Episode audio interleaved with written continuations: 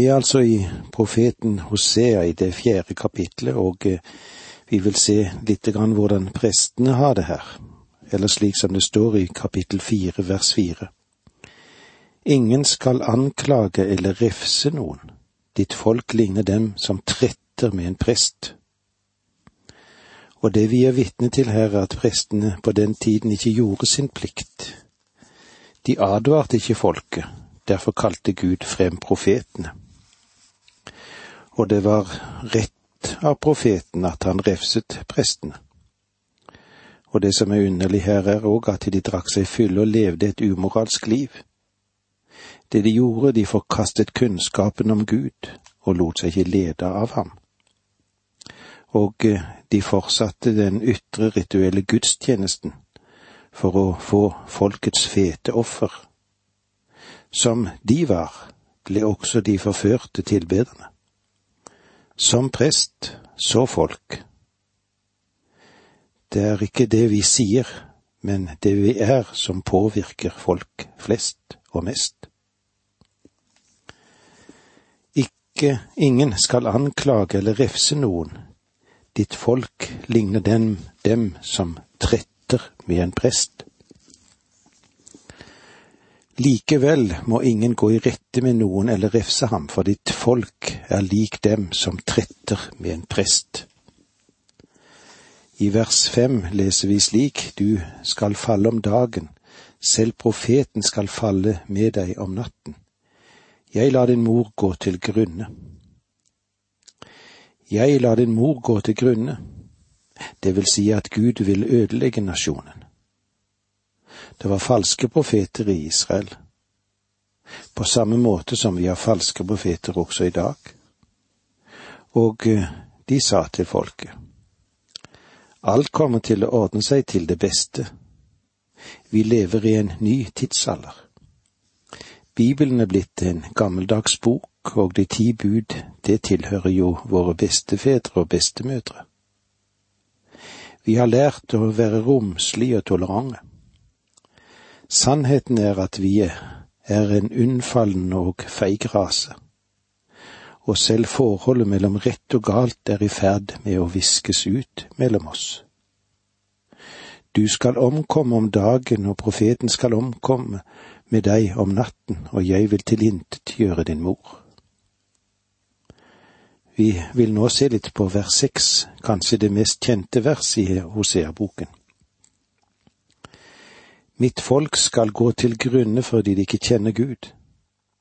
Siden du har vraket kun kjennskapen til ham, slår jeg vrak på deg som prest. Du glemte din Guds lov. Derfor glemmer også jeg dine sønner. Mitt folk skal gå til grunne fordi de ikke kjenner Gud. Bakgrunnen for deres synd var mangel på kunnskap om Guds ord. Om du er en kristen, det øyeblikk du driver bort fra Guds ord, er du også dømt til å mislykkes i ditt kristenliv. Likegyldig hvor mange konferanser eller seminarer eller samlinger du er med på, og som lærer deg hvordan du skal lykkes i ditt hjem, i din forretning, i det sosiale liv, ja, til og med i ditt religiøse liv, så vil du være i en slik situasjon at dette er et bomskudd. Denne boken gjør det helt klart at vi lever ikke det kristne liv gjennom spesielle metoder, og heller ikke regler i fem punkter, men det skjer gjennom et personlig kjennskap og kunnskap om Gud og om Guds ord. Det er en av hovedårsakene eller grunnene til at jeg er opptatt med å undervise om Guds ord. Og det er grunnen til at jeg tar for meg også Hosea-boken. Folket holder på å gå til grunne. Hvorfor? Fordi de ikke kjenner Gud. Siden du har vraket kjennskapet til ham, slår jeg vrak på deg som prest. Gud hadde til hensikt at hele Israel skulle være prester for ham. Under tusenårsriket skal det, det være så. Men nå sier Gud, dere skal ikke engang ha prester. Du glemte din Guds lov, derfor glemmer også jeg dine sønner. Gud sier til folket, jeg vil glemme dere fordi dere har glemt meg. Fordi vi har gått gjennom en lang og bedrøvelig historie frem mot det å forlate Herren, så er det nå kommet en dommens tid. Gud har bevist at han har grunn til å reise sak mot folk. I begynnelsen av kapitlet regnet han opp deres frafall. De har brutt de ti bud. Derfor formidler han nå sin bestemmelse om at han vil dømme dem. Mitt folk går til grunne fordi de ikke har kunnskap. Fordi du har forkastet kunnskapen, forkaster jeg deg. Så du ikke skal tjene meg som prest. Du glemte din Guds lov. Derfor vil også jeg glemme dine barn. I vers syv leser vi slik. Så mange de er, har de syndet mot meg. Sin ære byttet de bort med skam. Gud hadde lovet Abraham å velsigne folket ved å gjøre dem tallrike, og folket vokste. Men det førte ikke til at noe dette voksne folket søkte Herren. Tvert imot var de likegyldige og hadde ingen kunnskap om Guds ord. Sin ære byttet de bort med skam. Israels ære. Ja, hva var det? Jo, det var tempelet med Herrens herlighet som fylte huset. Hans synlige nærvær i folket og hans klare ledelse av dem, og så deres vitnesbyrd om monoteisme, for verden som ellers tilba de mange, mange gudene. Men Israel tilba den levende og sanne Gud, det var deres ære. Og det var årsaken til at selv dronningen av Saba kom fra jordens ytterste grenser for å besøke dette folket. Gud sier gjennom Hosea, Jeg vil ta bort min herlighet fra deg. Jeg vil fjerne mine velsignelser, og jeg vil dømme deg ved at din fiende skal overvinne deg og føre deg i fangenskap. Selvfølgelig vil fienden kunne si, se på dem, de sa at de var Guds utvalgte folk, men se nå hva som hender med dem. Det er åpenbart slik at deres Gud ikke er noen særlig sterk Gud. Vi må ikke glemme, selv i vår tid, at Gud har råd til å dømme sitt eget folk. Stenge dører som vi i vår overfladiske situasjon ikke trodde kunne stenges, men Gud, han gjør det. Gud er suveren. Jo flere de ble, dess mer syndet de mot meg. Deres ære ville jeg skifte om til skam. I vers åtte leser vi De lever av mitt folks synd og lengter etter deres misgjerning. Det var ikke bare det at folket likte å synde, men de likte å skryte av det også. Vers ni. Derfor går det presten som folket. Jeg vil straffe han for hans ferd og gjengjelde ham for hans gjerninger. Det ulykkelige var at presteskapet i Israel hadde sunket ned til folkets laveste nivå. Det er alltid en fare for alle som forkynner Guds ord, enten det er prester eller predikanter, når vi søker å pleie vår omgang med mennesker på bekostning av vår omgang med Gud og Guds ord. Og jeg tror det er helt rett at vi som forkynner skal komme ut av vårt elfenbenstårn og ikke late som vi er viktigere enn andre mennesker. Så langt kan jeg være med. Men når en Herrens tjener er en del av det Gud er imot, da kan han ikke lenger representere et sant vitnesbyrd om den Herre han er satt til å tjene. De lever av mitt folks synd og lengter etter deres misgjerning. Derfor skal det gå med presten som med folket. Jeg vil straffe ham for hans ferd og gi ham gjengjeld for hans gjerninger. Og med disse ordene sier vi takk for nå, må Gud være med deg. Dette undervisningsprogrammet består av to deler. Åge Nevland fortsetter nå med andre del av dagens undervisning. Vi er i profeten Hosea, og vi er i det fjerde kapitlet der. Og det fjerde kapitlet forteller oss om at israelsfolket var bundet av avgudsbilder, og eh, profeten legger ikke bånd på seg når han skildrer den umoralen som var på denne tiden. Og kanskje det er noe av dette vi bør tenke på òg i vår tid. Men la oss òg tenke på begynnelse ord. Min indre urenhet var verst for meg. Den stakk seg alltid fram, og den var avskyelig i mine egne øyne. Det trodde jeg også at jeg var i Guds øyne. Fordervelsen boblet opp i hjertet like naturlig som vann i en fontene, og jeg trodde at alle andre hadde det bedre enn meg, de hadde bedre hjerter enn det jeg hadde.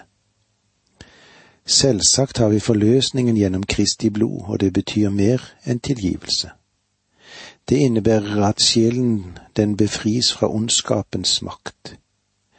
Men hvis menneskesjelen nekter å ta imot Guds nåde, kommer den tiden før eller senere da Gud lar en høste det som er sådd.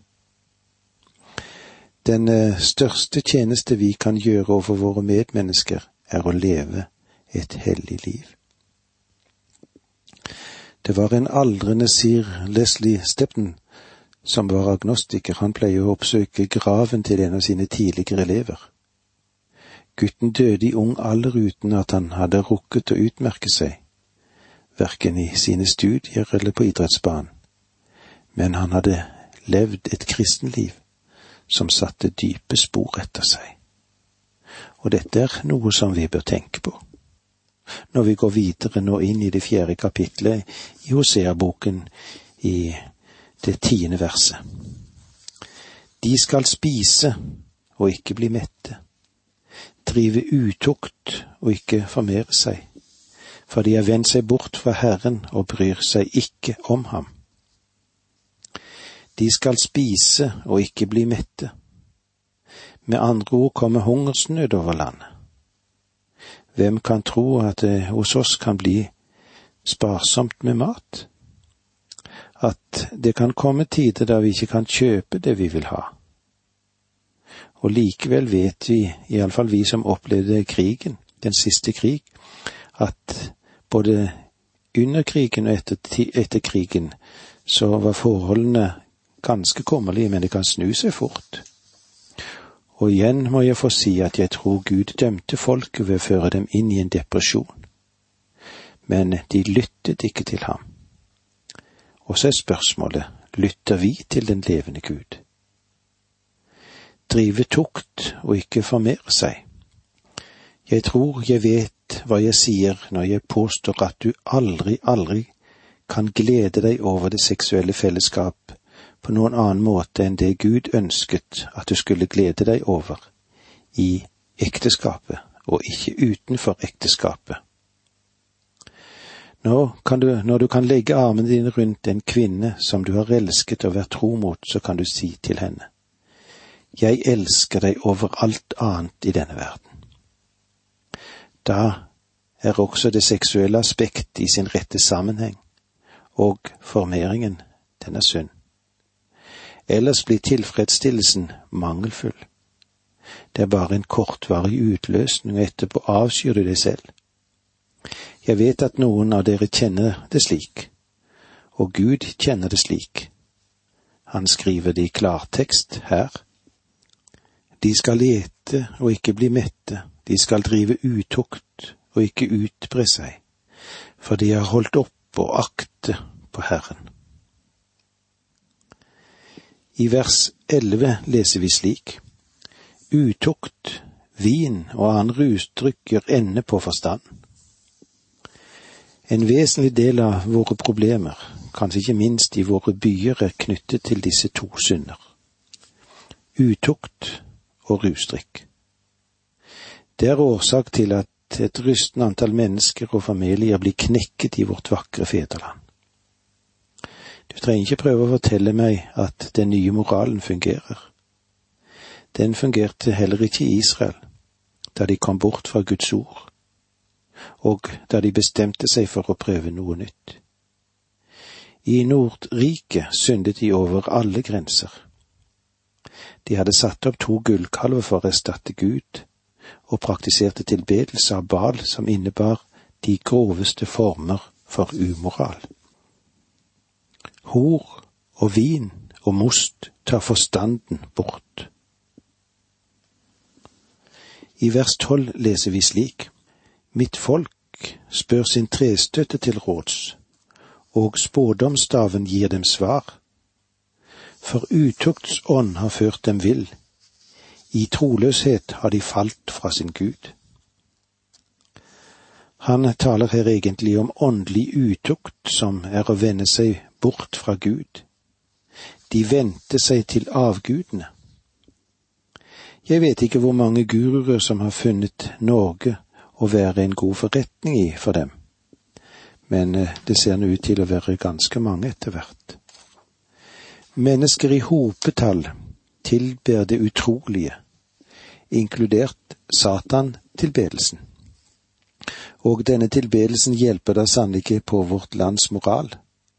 Og i Israel ble det slik at avgudsdyrkelsen førte dem inn i grov umoral til sist fikk de oppleve Guds dom.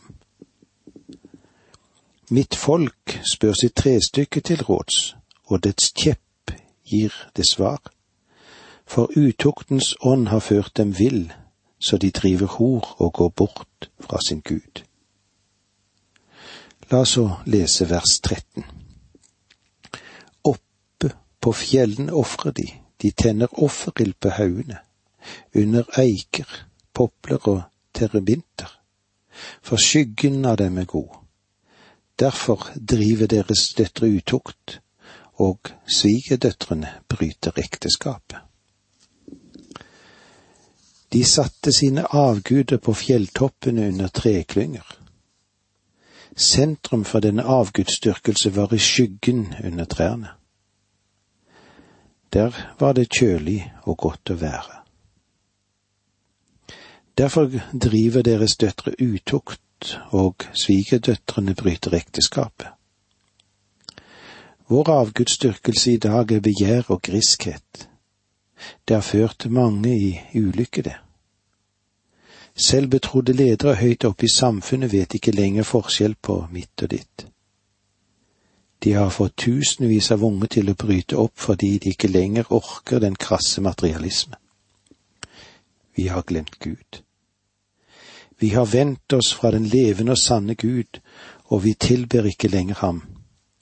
Vi trenger å vende oss til Frelseren som kan forløse oss og hjelpe oss. På fjelltoppen ofrer de, og på haugene brenner de røkelse under eiker og popler og terrebinter, fordi skyggen der er god. Derfor driver deres døtre utukt, og deres sønnekoner gjør seg skyldige i. Vers 14 Jeg vil ikke straffe deres døtre fordi de driver utukt, eller svigerdøtrene fordi de bryter ekteskapet. For mennene går avsides med horkvinner og ofrer sammen med tempelskjøger. Det folk som er uten forstand, skal falle. Her sier Gud at likegyldighet overfor Hans lov ikke er en unnskyldning for noen. Han sier at selv om dette folket har veket av på grunn av synd, så vil jeg ikke dømme dem for den synd de gjør akkurat nå. Jeg dømmer dem fordi de har vendt seg fra den levende og sanne Gud og veket av fra hans veier. Israel ble ikke dømt fordi det var blitt en skjøge, men fordi de hadde vendt seg fra den levende og sanne Gud. Utukt var bare en konsekvens av å vende seg fra Herren. Jeg vil hjemsøke deres døtre og deres utukt eller deres sønnekone for deres hor, for mennene går selv avsides med horkvinner og ofrer med skjøgene. Slik går et uforstandig folk til grunne vers 15. Om du driver utukt i Israel, må ikke Juda føre skyld over seg.